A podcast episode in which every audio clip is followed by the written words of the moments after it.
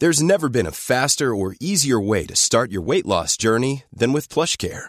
PlushCare accepts most insurance plans and gives you online access to board-certified physicians who can prescribe FDA-approved weight loss medications like Wigovi and Zepbound for those who qualify. Take charge of your health and speak with a board-certified physician about a weight loss plan that's right for you.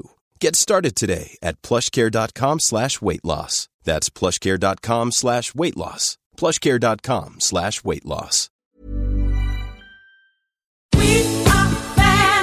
A good time starts with a great wardrobe. Next stop, JCPenney. Family get togethers to fancy occasions, wedding season too. We do it all in style dresses, suiting, and plenty of color to play with. Get fixed up with brands like Liz Claiborne, Worthington, Stafford, and J. Farrar. Oh, and thereabouts for kids. Super cute and extra affordable. Check out the latest in store, and we're never short on options at jcp.com. All dressed up, everywhere to go. JCPenney.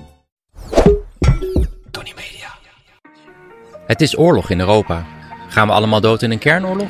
Nee, ik denk het niet. Gaat de oorlog de wereld veranderen? Dat weet ik zeker. In samenwerking met Dagblad Trouw probeer ik met deze podcast grip te krijgen op de oorlog. Hier houd ik je wekelijks op de hoogte van de situatie in Oekraïne en Rusland. Ik had het vorige week over de uitroep Slava Oekraïni, wat uh, leven Oekraïne betekent. En deze week ging een uh, video viral in Oekraïne van een Oekraïnse krijgsgevangene die door Russische soldaten wordt geëxecuteerd. Wat ja, natuurlijk een oorlogsmisdaad is. Hoe dan ook, die Oekraïnse soldaat die weet dat hij wordt geëxecuteerd. En ze kondigen het ook aan, die Russen. Maar hij staat dan uh, doodrustig uh, met een peuk in de mond in een loopgraaf. En hij roept Slava Oekraïni vlak voordat hij wordt doodgeschoten. Nou, um, natuurlijk volgden deze week eindeloos veel eerbetonen en uh, memes gewijd aan deze man. Hij heet trouwens Timofey Shadura. En vandaag postte Zelensky op Instagram ook de tekst Heroju Slava, hulde aan de held in plaats van het gebruikelijke Heroyam Slava, wat hulde aan de helden, meervoud dus, is, wat hij normaal doet. En het was duidelijk een eerbetoon aan deze koelbloedige man met zijn peuk in de mond. Ik hoop vurig de schutter ooit in een rechtbank in Den Haag te zien. En dit is wat er gebeurde in week 2 van het tweede jaar van de oorlog. Een paar weken terug had ik het al over Moldavië, waar het al een tijdje onrustig is. Moldavië grenst aan Oekraïne in het westen van het land. En een deel van Moldavië is al decennia lang bezet door de Russen. In Moldavië zijn al wekenlang demonstraties aan de gang tegen de Europa-gezinde regering. Ik had toen, ja, een paar weken geleden, de theorie dat de Russen daar misschien achter zaten. Toen was dat nog een theorie, maar deze week werd duidelijk dat het ook echt zo is. Er was een video van een demonstratie te zien. Uh, de menigte roept daar: Het Kremlin komt ons redden. Nou, dat is op zich ook al een teken aan de wand. Maar dan heb je de plaatselijke verslaggever van de Moldavische, Moldavische, hoor mij nou, Moldavische televisie, denk ik. Moldavisch, ja, tuurlijk, Moldavisch. En die spreekt een demonstrant aan en die stelt een vraag. En de demonstrant zegt: Ja, sorry, maar ik spreek geen Moldavisch. Ik kom uit Moskou. Dus ja, Zoveel is dan duidelijk. En in Rusland zijn trouwens betaalde demonstraties een volkomen normaal fenomeen. Nou ja, echt of nep, die demonstraties zorgen hoe dan ook voor veel onrust in Moldavië. En dat is denk ik echt iets om uh, in de komende weken in de gaten te houden. Intussen gaat Oekraïne verder met zijn campagne van uh, bombardementen op doelen diep in Rusland. Deze week ook weer opnieuw een bombardement in de regio Krasnodar op 400 kilometer van het front. En ja, dat front concentreert zich nog steeds bij Bakhmut. Elke dag zijn er wel berichten dat de Oekraïners de stad hebben opgegeven. Maar elke dag lees ik ook weer berichten dat de Oekraïners juist versterkingen sturen. Het blijft op het eerste gezicht een beetje raadselachtig waarom Oekraïne de stad, of eigenlijk de ruïne van een stad, zou blijven verdedigen. Want ze kunnen zich makkelijk terugtrekken naar hoger gelegen terrein ten westen van Bakhmut, wat makkelijker te verdedigen is. En er gaan in Oekraïne ook steeds meer stemmen op om de strijd daar te stoppen en terug te trekken. Volgens uh, sommige Oekraïners zijn die slachtoffers uh, overbodig. Maar toch, als je het van een kille militaire kant bekijkt, heeft die strijd daar wel degelijk zin. Er komen namelijk nog steeds veel meer Russen om het leven dan Oekraïners. Volgens sommige schattingen is dat zelfs 1 op de 7. En die kwaliteit van die Russische soldaten wordt ook steeds hoger. Een paar maanden geleden waren het nog voornamelijk veel ex-gevangenen in dienst van Wagner. Ja, die eigenlijk een soort van, ja, bijna een soort van zelfmoordcommando's. Lage kwaliteit soldaten. En dat ging dan ten koste van hoge kwaliteit Oekraïnse soldaten. Maar nu zijn er steeds minder Russische gevangenen. Ze zijn gewoon op. Ja, ze zijn allemaal doodgegaan of gewond geraakt. Nieuwe gevangenen melden zich ook niet meer. Dus moet Wagner nu echte elite-eenheden uh, in die hopeloze strijd gooien. En die sterven nu aan het front. En die kunnen bijvoorbeeld niet worden ingezet als Oekraïne een tegenoffensief begint, waarschijnlijk in de lente. Ja, want ondanks de mobilisatie lijkt Rusland opnieuw problemen met manschappen te hebben. De verwachting is dat Rusland op korte termijn niet gaat mobiliseren. En ze proberen wanhopig weer vrijwilligers te werven op de gekste plekken. Trouwens, in de door Rusland bezette provincie Luhansk worden nu ook jongens vanaf 16 gemobiliseerd. In uh, Luhansk en in Donetsk, die gebieden die zijn bezet door Rusland, is sinds het begin van de oorlog een volledige mobilisatie. En dus nu ook voor jongens vanaf 16.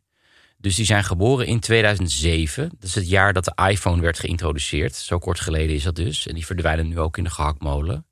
Die uh, soldaten worden ook op hele andere gekke plekken geworven. Er was een bericht van het telegramkanaal Baza. En dat gaat over een man met zelfmoordneigingen. En die was dan langs gegaan bij een psychiater in de regio Moskou. De psychiater zou tegen hem hebben gezegd: Ja, waarom ga je niet naar het front in plaats van zelfmoord plegen?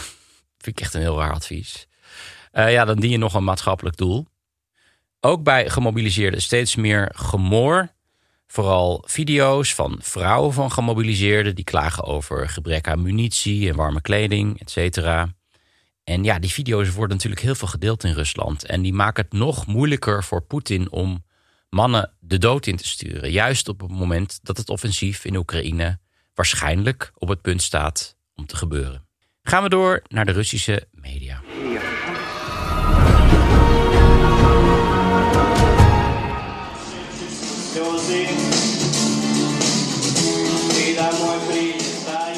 Hier hoor je een militair koor in de stad Krasnodar op het zogenaamde festival met de naam Ik zing voor mijn vaderland. Ja, die festivals die duiken overal op in Rusland om nog een beetje de sfeer erin te houden en Russen natuurlijk achter de oorlog te scharen. Maar zij zingen over een Russische soldaat die terugkeert naar Rusland als zogenaamde Cargo 200. Dat is een Russische militaire term voor een soldaat die doodgaat aan het front. Heel erg gezellig. Ze zingen Mama, ik weet dat je mij kan horen.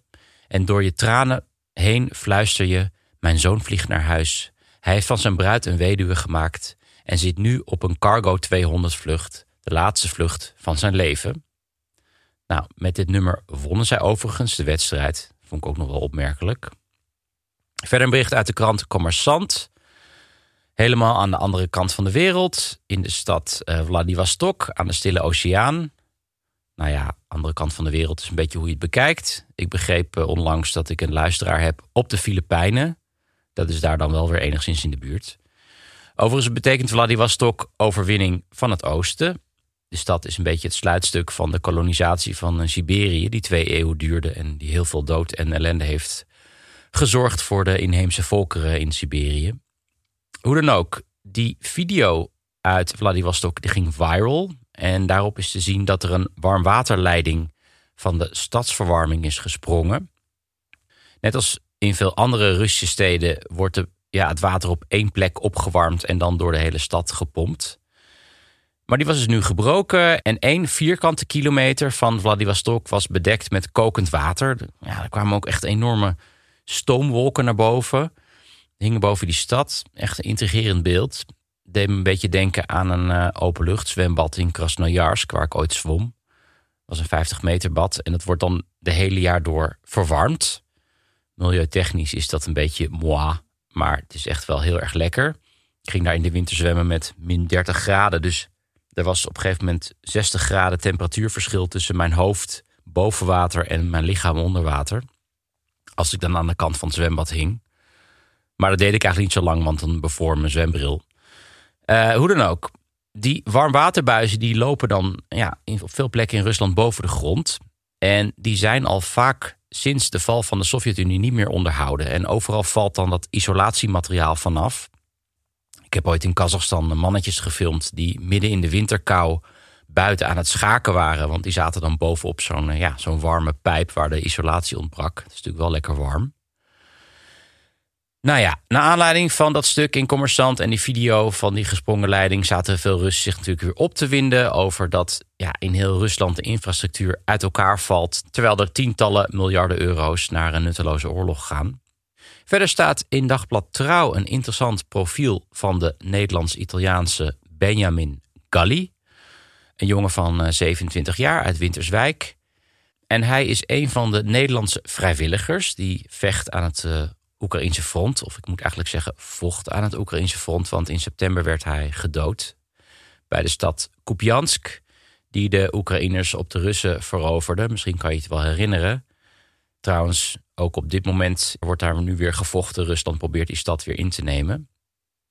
We zien van een prachtig stuk over waarom iemand besluit om te gaan vechten in Oekraïne. Ik zal een link in de show notes zetten. Ja, wel heel erg veel dood en verderf deze week in de podcast. Maar goed, dat hoort ook een beetje bij de oorlog. Straks spreek ik Oekraïne-correspondent Michiel Driebergen. En daar komen wel wat lichtpuntjes langs, dat beloof ik. Maar eerst nog even dit. Ja, er vechten wel meer buitenlanders in Oekraïne. Het gaat om duizenden mensen tot Nieuw-Zeeland aan toe. Komen mannen en vrouwen naar Oekraïne om uh, het leger te steunen. Flink aantal van die mensen komt uit Georgië en andere voormalige Sovjet-republieken. En ja, die weten natuurlijk hoe het is om door Rusland bezet te worden. Maar er zijn zelfs Russische vrijwilligers. Zoals bijvoorbeeld veel Tsjetsjenen die nog steeds vechten voor onafhankelijkheid. En je hebt ook nog een aantal Tartaren en Boerjaten. Ook volkeren die binnen Rusland wonen en uh, hopen op onafhankelijkheid. En ja, die hebben natuurlijk een enorm voordeel, want ze spreken de Russische taal en ze weten ook hoe die Sovjet-wapensystemen werken.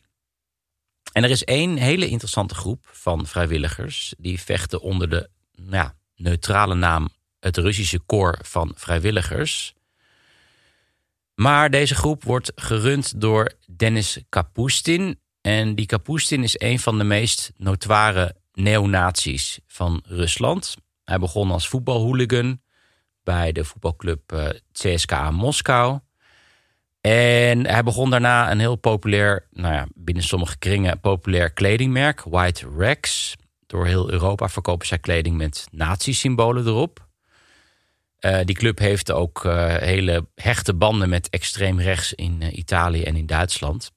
En sinds 2017 woont deze Kapustin in Oekraïne om de revolutie in Rusland voor te bereiden met een groep andere ja, ultranationalisten. En vorige week dook deze Kapustin op in het dorp Briansk, een dorp in Rusland, net over de grens van Oekraïne. Dat dorp werd korte tijd bezet door dit ja, Russische koor van vrijwilligers. Volgens Russische media zijn daar ook doden bij gevallen, maar het is volkomen onduidelijk of dit waar is. Er is een hele hoop desinformatie van Russische en ook van Oekraïnse zijde. Maar feit is in ieder geval dat die Kapustin op de foto staat voor de deur van de plaatselijke administratie. Helemaal in vol ornaat, helemaal bewapend. En uh, ja, hoe dan ook, Poetin had het die avond gelijk heel gewichtig op de tv over een terroristische daad. En dit soort acties helpen Oekraïne natuurlijk helemaal niet. Want dit past natuurlijk perfect in het narratief van het Kremlin dat Rusland wordt bedreigd en niet Oekraïne. En dat Rusland ja, met deze oorlog vecht om zijn voortbestaan. En het is een beetje de vraag of de Oekraïners nou zo verstandig zijn om met neonazies samen te werken. Want misschien is de vijand van je vijand niet altijd je vriend. Uh, bij mij in de uitzending zit Michiel Driebergen. Welkom. Dag Jelle. En Michiel was natuurlijk al eens een keer eerder in deze podcast. Toen als correspondent voor Trouw. Maar Michiel werkt ook voor de VPRO. En voor die VPRO heeft hij onlangs samen met Edwin Koopman... een prachtige podcastserie gemaakt met als titel Stad in Oorlog. Ik zal nog een link in de show notes zetten natuurlijk. En die podcast die zoomt helemaal in op de stad Kharkiv. Daar gaan we het zo over hebben. Maar allereerst, we zitten hier nu in Nederland. Ik ben blij een keer live te kunnen zien. Insgelijks. Hoe gaat het met je? Ja, wel goed. Ik ben een beetje moe, want eh, die podcast was er natuurlijk. Die moest er komen. Dus eh, tot diep in de nacht monteren. Met name voor, eh, je noemde hem al Edwin Koopman. Ja. Dat is eigenlijk de, het montagebeest achter deze podcast. Ja. En ook de grote lijn heeft hij prachtig in elkaar gezet. Dus hij heeft eigenlijk een podcast gemaakt van mijn repo-materiaal. Ja. zeg maar. Het was natuurlijk ook één jaar oorlog en er was heel veel aandacht voor. Ook voor trouw, hè? Ja. Dus het was heel veel werk. En ik hoop nu een beetje stiekem dat de luisteraars en de lezers niet, zijn, niet gaan afhaken. Hè? Dat ze Ja. wel de oorlog willen blijven volgen. Het valt mij eigenlijk heel erg mee. Ik, ik heb toch het idee dat er nog steeds heel veel interesse is voor de oorlog. Of het is Ja. misschien een beperkt, eh, beperkt gezelschap. Nee, ik heb ook van die avonden, ook van de VPRO een paar weken geleden, zitten 500 of 600 of 600 man in Tivoli allemaal te luisteren naar verhalen over de oorlog. Dus Ja, eh, inderdaad. Men, zegt mij ook voortdurend. is in Ja, ieder geval. Ik ben het natuurlijk niet gewend. Ik was jarenlang in Oekraïne en dan wilde niemand er iets over ho- Ja. horen. Ja, want En nu denk ik van, nou, wanneer gaat het weer naar beneden? En dan zeggen ze bij de krant of bij de radio, zeggen ze, nee joh, dat, ze willen alles horen, de mensen. Ja. En dat is natuurlijk fantastisch ook. Dat Ja. is heel goed, vind ik ook belangrijk. Dat is mooi. Ja. Zit jij, ik kan me niet voorstellen dat je na een jaar nog steeds in de adrenalinestand zit, want het houdt geen mens vol. Nee, klopt. Wat je in Oekraïne, wat, wat scheelt in Oekraïne is dat je heel lang in nachttreinen bent en heel erg lang onderweg bent vaak. Eh, als ik straks weer naar Oekraïne ga, dan ben ik twee dagen bezig voordat ik ergens ben en nog Ja. een keer gaan, kan gaan beginnen met werken. En dat haalt mij voortdurend uit, eh, uit die adrenaline stoot, zeg maar. Die, eh, Tijd om te acclimatiseren heb je. Ja, na te denken en na te denken voordat je iets doet, na te denken over het verhaal wat je gaat maken. Dat vertraagt de bol enorm en dat maakt het ook heel erg gecompliceerd om te werken. Maar het is wel, het stopt je wel om niet de ene na de andere dag ehm, ja, met heel ernstige dingen bezig te zijn. Ja, dat eh, snap ik. Hey, dan over de podcastserie. Ehm, laten we even beginnen met gewoon voor luisteraars te vertellen. Waar ligt die stad? Kharkiv. Ja, Wat is voor stad? kilometer of 35 van de, van de Russische grens. Ja, Noordoosten van Oekraïne. Ehm, bijna 2 miljoen mensen, denk ik. Eh, Ze hebben een metro ook, toch? Ze hebben een metro, een Ja. hele mooie oude metro. Ehm, tweede stad van Oekraïne, dus een Hm. belangrijke stad. En in die zin ook een spannende vraag hè, in die stad van wat moeten we met Rusland ooit in de toekomst? Want ja, dat ligt zo dichtbij. En dat, dat- ja, Rusland gaat niet weg. Ja, Kharkiv gaat ook niet weg. Dat weten we ook na een jaar oorlog. Want eh, de stad is behoorlijk hard ingebeukt op Kharkiv de laatste jaar. ja, Het leger stond echt aan de randen van de stad en hebben ook met artillerie beschoten. Dat is Kiev, nou ja, heel even aan het begin overkomen, maar daarna niet meer, al heel gauw. Ehm, ja, Kharkiv heeft zich echt weten te weerstaan tegen de Russen, terwijl ze eigenlijk in shock waren. Van, Ja. Toen die Russen nou. want eh, dan kom ik gelijk op mijn volgende vraag. Want je had andere steden of eh, dorpen, wat dan ook, kunnen kiezen. Waarom heb je nou precies Kharkiv voor deze serie gekozen?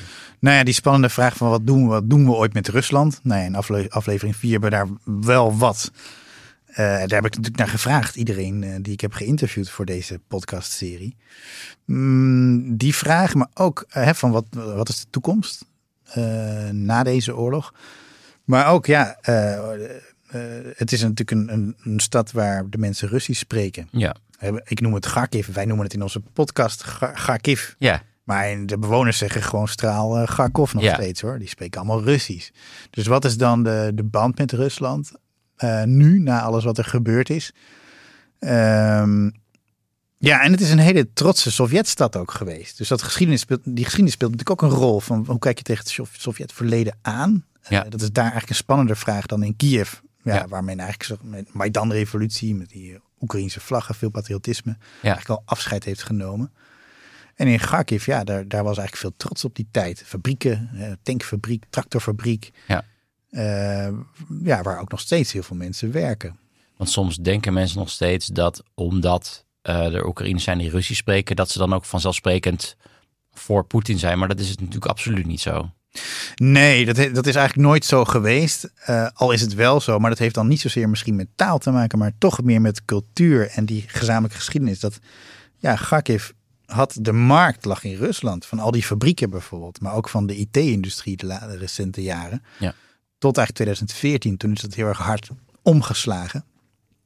En deze oorlog heeft eigenlijk alle restjes eh, van sympathie weggeslagen in Kharkiv. En Ja. dat is ook wel ja, heel naar om te merken dat de oorlog dat met bewoners van de stad doet. Mensen zijn eigenlijk nog steeds, en dat hoor je ook in de podcast, hè, van zo'n vrouwtje op negen hoog. ehm, hè, die, die eigenlijk zegt van wat hebben wij nou eigenlijk de Russen misdaan? Mm. Waarom doen ze dit nou met ons? Mm. Hè, wat, wat, wat, wat, wat is er gebeurd eigenlijk? Ze kwamen altijd bij ons winkelen en eh, wij gingen ook naar Rusland toe. En eh, deze mensen hebben familie in Rusland. Waarom, wat is er nou misgegaan? Ja. Ik vind het ook heel mooi is om te zien in je podcast dat je je niet alleen maar richt op de directe gevolgen van oorlog. Want je bent natuurlijk ook eh, op een plek als er net een eh, S-300 raket is ingeslagen. Dat is natuurlijk fantastisch. Maar je laat ook heel goed die indirecte gevolgen zien van zo'n oorlog. Dat zo'n hele samenleving is ontwricht. En dat het tot in de haarvaten van de samenleving doordringt. Hè. Je noemt eh, eh, het geval van een huisarts bijvoorbeeld. Dat heel veel huisartsen gewoon zijn vertrokken. Ja. En dan zit een patiënt zonder, zonder Ja, huisarts. dan bellen ze maar naar de, naar de ambulance. En die, Ja. komt, die komt dan. En ja, dat hoort natuurlijk eigenlijk helemaal niet. Maar ja, de huisarts is gevlucht en het ziekenhuisje even verderop is verwoest. Ja. Eh, dus inderdaad, indirecte gevolgen. Dat maakt Kharkiv ook wel een lastige keus voor ons. Maar misschien ook daardoor is het misschien ook wel gelukt om die diepere laag aan te boren. Omdat Kharkiv is nu geen frontstad meer. Hè. Zoals Nee. als je naar Bakhmut gaat, heb je geheid spektakel. Mhm. Eh, heb je mooie audio. Maar in Kharkiv moesten we echt zoeken. Het is een heel stille stad. De meeste mensen zijn vertrokken. Meer dan de helft van de mensen is weg. Er zijn geen kinderen meer, eigenlijk nauwelijks. Eh, dus de, de, de, de, econ- de economie is, is stroef. eh, er loopt eigenlijk niet meer. Dus om dan geluid te vinden, dat, dat is eigenlijk, ja, je moet dan eigenlijk veel meer je best doen. Ja. Ja, dat is gelukkig gelukt, maar dat was nog best wel een spannende vraag. Ja, je krijgt het drama niet zomaar in je schoot geworpen, zoals eh, aan het front. Precies, dan moet je dus, nou ja, eh, wat maakt geluid? Een koor, hè, dachten wij. Nou ja, toen zijn we dus, er is één befaamd amateurkoor. Daar zijn we toen naartoe gegaan, maar er bleek niemand meer te zijn in de stad. Maar er was nog één. Er was er nog één. Ja, En een dame, en eh, haar hebben we opgezocht. Ja. Ja. en geïnterviewd. En een paar keer ook. Ja, en zij uiteindelijk heeft ze een nieuw koor opgericht met mensen die er nog wel zijn. Dat was natuurlijk een mooie ontwikkeling in het verhaal. Hadden we niet van tevoren kunnen bedenken. Maar ja, daardoor hoor je haar wel zingen en hoor je haar ook denken over. En wa- heeft ze ook uitgelegd waarom ze is gebleven. Nou, ze moest voor haar grootvader zorgen, die ernstig ziek was. ja.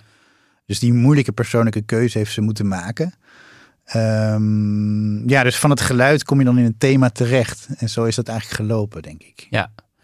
Ehm, wat ik ook heel mooi vind, je noemde net eigenlijk ook al, dat het leven ook gewoon doorgaat. Je probeert er het beste van eh, te maken. Ehm, op een gegeven moment kom je terecht bij een plantsoendienst in Kharkiv. Kan je daar wat over vertellen? Zonder Ja. alles weg te geven. Ja, Yuri en Sergej, ik, ik weet nog goed. eh, Ik, ik was in, in dat park en het was zo stil. Maar het was wel zo netjes. Ik heb het het hele jaar in Kharkiv heb ik het zo schoon en zo mooi gezien. In de zomer stonden er bloemen. En ik was via de gemeente op zoek naar de parkmannen. Je moet meestal toestemming vragen, bureaucratie. Dus ik dacht dat dat probeerde ik, maar dat werkte niet. Toen ben ik gewoon naar het park gegaan. En Ja. ja, daar waren die mannen bezig met takjes te snoeien. Echt winterwerk. Ik heb ze gewoon aangesproken. En toen bleek dus dat ze inderdaad het, het hele jaar daar gewerkt hadden. En ja, in maart was er een grote explosie in de buurt. En het petje van die man was afgewaaid vanwege die explosie. Maar hij was het gras aan het maaien op dat moment. Want die stad moest mooi blijven. Ja, dat is zo ontroerend. Ja, Dat- En, en ook een beetje dat je vraagt, want dat was natuurlijk mijn vraag. Waarom doe je dit nou in godesnaam? Want er is oorlog, dan ga je toch niet het, het plantsoen in orde brengen? ja, Maar eigenlijk blijkt dat, ja, blijkt dat toch de essentie te zijn van het leven in zo'n stad. Dat als je daarmee stopt, dan is het verloren. Dus die mensen, die zijn, die mannen, die zijn gewoon het hele jaar doorgegaan. Ze moesten ook wel, Hm. want je bent een heel laag salaris. Misschien verdienen ze 150 euro in de maand. ja. Die, die hadden ook nooit kunnen vluchten. En ze stonden natuurlijk gewoon onder contact bij de stad. Dus ik denk ook dat er een redelijke zo van, jongens, jullie gaan gewoon het park schoon. Ja. Oorlog of niet. Ook als er raketten en een granaat om je heen vallen. Juist. Maar en, en eigenlijk van de weeromstuit zijn die mannen dus eigenlijk gewoon trots op hun werk. En hebben ze het het hele jaar toch volgehouden. Het geeft natuurlijk ook hoop, een opgeruimde stad. Ja, we moeten de voorstellen. stad in orde houden. Over de hoop gesproken, Michiel. Heb jij het idee ehm, dat die hoop er nog steeds is? We hebben het net over oorlogsmoeheid in Nederland. Maar die kan natuurlijk even goed zijn in, in Oekraïne. Wat, wat is, of als je een gemoedstoestand toe zou kunnen schrijven aan de stad Kharkiv. Wat ik ook mooi vind trouwens in de podcast. Het is ook echt een personage, de, de stad. Maar wat, wat voor gemoedstoestand zou zij, ik noem maar even een vrouw, zou zij dan nu hebben? Is ze moedeloos, hoopvol? Moe, ja, ik, denk dat kwaad. moe, eh, kwaad, zeker heel erg kwaad. Maar ik denk dat die kwaad, die, die kwaadheid, die woede geeft heel veel energie. Van, hè, wat hebben jullie met ons gedaan? Dat is hè, jullie Russen. Wat, hebben ze, wat, wat, wat doen ze met ons? Dat is meer een soort van woede ook. Dan mismoedigheid, verontwaardiging. Nou gaan we ons ook verdedigen. Nu gaan we ook zorgen dat we geen Russen meer zijn, ook nooit meer zullen worden. Ja. Eh, dus woede, ik denk geen wanhoop. Ehm, ik, meer de moed der wanhoop. Ik denk dat er heel veel moed is ook. Woede, eh, maar ook een bepaalde trots. En dat zie ik eigenlijk al tien jaar in Oekraïne. Dat ook de Russisch sprekende Oekraïners in het oosten van het land eh, zich heel erg verbonden voelen met de Oekraïnse identiteit. En zonder Poetin was het eigenlijk nooit gebeurd. En dat is eigenlijk al aan de gang sinds de annexatie van de Krim. Ja, absoluut. Dat was zo'n bedreiging die van buiten kwam. En Oekraïners verenigen zich eigenlijk alleen maar op dat moment. Ze zijn heel erg voor zichzelf aan het leven. En Kharkiv was eigenlijk ook een soort enclave, net als Odessa dat was en Lviv dat was. Hè. In het hele land had je eigenlijk meerdere ja, regio's die heel erg voor zichzelf gingen en niet zoveel met elkaar. Maar die identiteit is zo versterkt en Kharkiv ziet zichzelf nu toch als een soort verdediger Ja. va- van Oekraïne. Ja. En, en, en wil dat eigenlijk ook blijven. Dat is mijn ervaring. Dat blijkt ook heel duidelijk uit je prachtige podcast-serie. Ik raad iedereen aan om hem te gaan luisteren. Dank voor het gesprek, Michiel. En ik zou graag eh, willen afsluiten met een fragment uit aflevering 2 van Stad in Oorlog, waar Michiel, ik, heb ze net al genoemd, spreekt met de mannen van de plantsoendienst. Want er mogen dan wel bommen en granaten vallen, maar het werk gaat daar gewoon door. Verzamelen hier de takken die ze net hebben afgesnoeid van de bomen. Stoppen ze in de laadklep van hun eh, elektrische auto? Zo broer, je moet het. Zo boelen, ik moet het. конечно. Alles was er en alles zal er zijn. En dan gaat het over de bloemen in het park. Подготавливаем на весну, чтобы было красиво. We bereiden ons voor op de lente, zegt deze man. Het is echt winterwerk. Ik heb dit park het hele jaar schoon gezien. Was dat nou de moeite om tijdens de oorlog het park netjes te houden? Is dat nou een prioriteit? Конечно, да. Визитных карточек города. Мы старались, вот я косил газоны, все лето косил газоны. Sergej heeft hier vanaf mei gewerkt. In april was het te gevaarlijk, zegt hij. Het park is het visitekaartje van de stad. Dat is het al jaren en dat moet het ook blijven, zegt eh, Sergej. Het lijkt mij dat u eigenlijk ook een soort helden bent, want eh, het was hier best gevaarlijk in de stad. Я был возле мяча, там работал, а был обстрел за обло администрации. У меня бейсболка была, мне с него улетело вот так от взрыва. Ja, hij was aan het werk, het gras aan het maaien bij het provinciehuis in de buurt. En toen kwam die raket daar. Een enorme explosie en zijn pet waaide van zijn hoofd. Что, что кто-то воюет, кто-то, ну, мы так вот здесь. И Сделаем свой вклад в победу, да, получается. En de een vecht aan het front en de ander maakt thuis de boel op orde.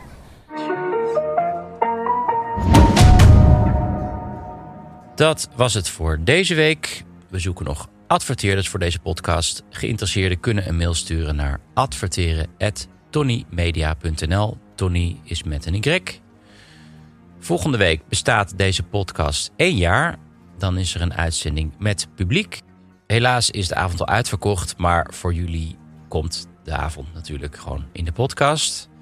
Aanstaande zondag is de tweede aflevering van mijn serie met Ruben Terlouw. Ik duik dan in de wereld van de schoondochters in Oezbekistan. Die trekken in bij hun schoonfamilie en hebben het daar zwaar te verduren.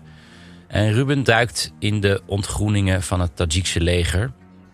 Er valt ook heus wel wat te lachen hoor in die aflevering. Zo ga ik bijvoorbeeld langs bij een cursus in Oezbekistan... waar je leert hoe je een ideale schoondochter moet zijn... Allemaal te zien op zondag om tien voor half negen op NPO 2. En ik ben er volgende week weer hier. Tot dan.